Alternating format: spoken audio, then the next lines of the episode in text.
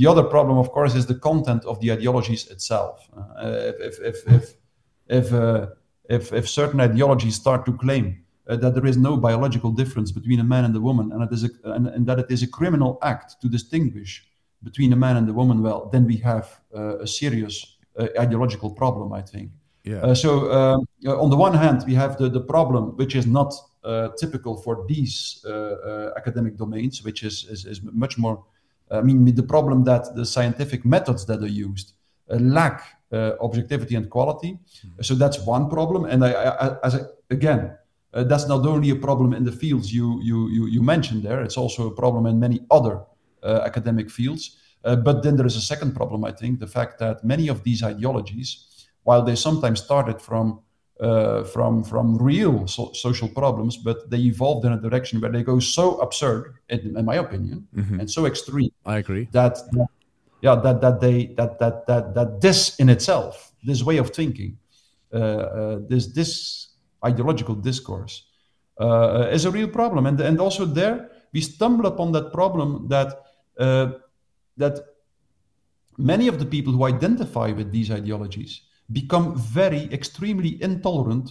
for people who think differently. Exactly. And uh, yes, so that's that's and and then as a, as a society you end up in a problematic situation because each human being needs people who think differently uh, to to uh, remain in balance, mm-hmm. and that's what happens when when when when uh, the the degree of ideological intolerance becomes such that people with a different opinion uh, cannot really have a decent conversation anymore with each other, then you see how society drifts away and ends up in, in, in, in more and more and more uh, extreme, yeah. intolerant, and absurd uh, ideological um, uh, convictions. So uh, I, I think, uh, and indeed, the, the, the, the, the if you look at the woke movement, if you look at uh, the climate narrative now, if you look at the entire ideology, I think, which is represented by the UN's uh, Sustainable Development Goals, uh, well, then you see,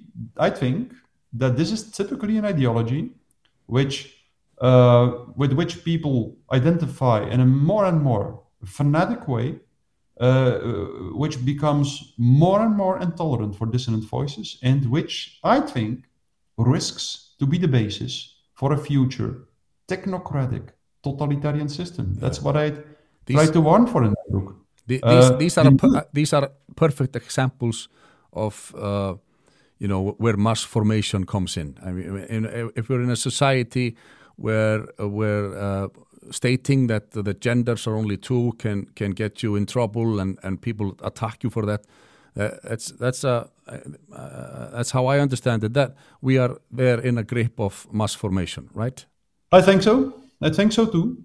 I think so too. I think uh, uh, you know I, I use the term mass formation in a very in a in a in a technical way, of course. Um, I use it, you know, like for me the, the first large scale mass formation in recent history was the Corona crisis.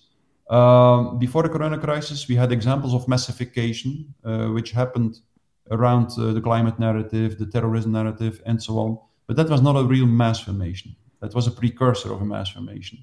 In the corona crisis, we had the first fully fledged mass formation, just because, for instance, in the corona crisis, for the first time in recent history, we saw how two new groups emerged in society a group that went along with the mainstream narrative, and then a group that didn't.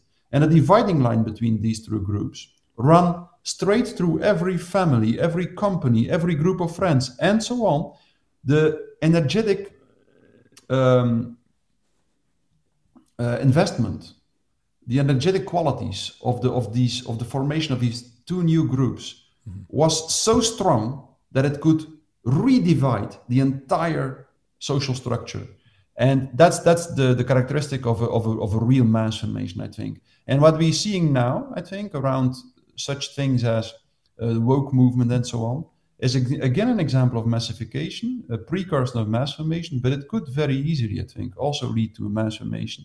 Mm-hmm. And um, um, well, I, I, I, I think we have to. That's extremely important.